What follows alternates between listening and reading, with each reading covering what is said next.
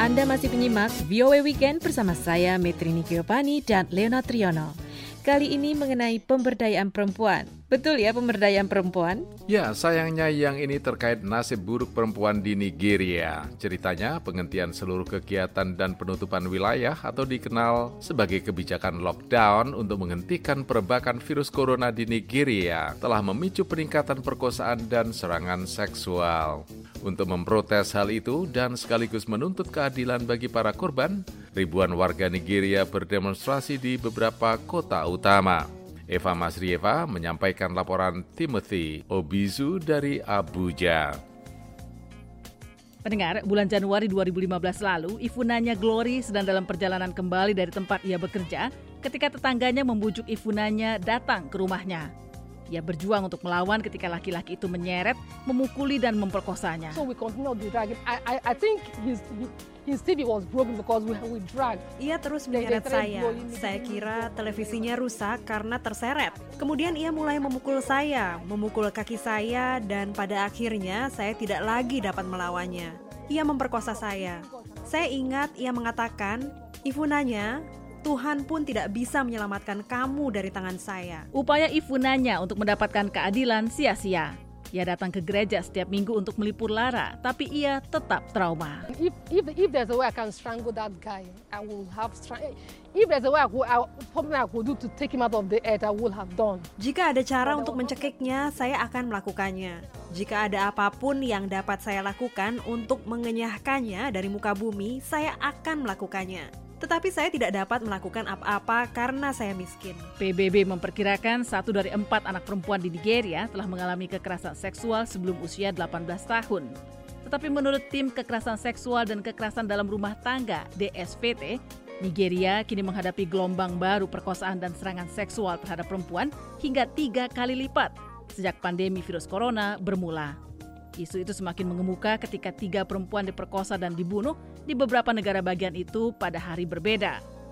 Ratusan demonstran dan aktivis HAM berdemonstrasi di sekitar markas polisi di Abuja menuntut keadilan bagi para korban. Di media sosial, tagar hashtag #endrape, no means no, dan justice for rape victims terus menjadi tren.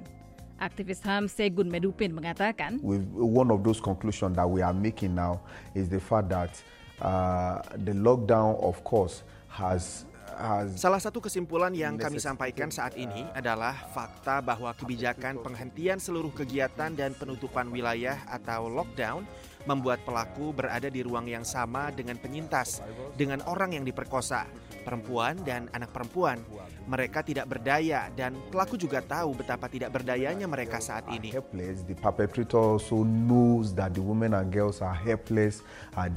Para pengecam mengatakan pada masa lalu Nigeria lambat menangani masalah itu, tetapi kini pihak berwenang mengirim tim penyelidik khusus tentang kekerasan gender ke setiap negara bagian.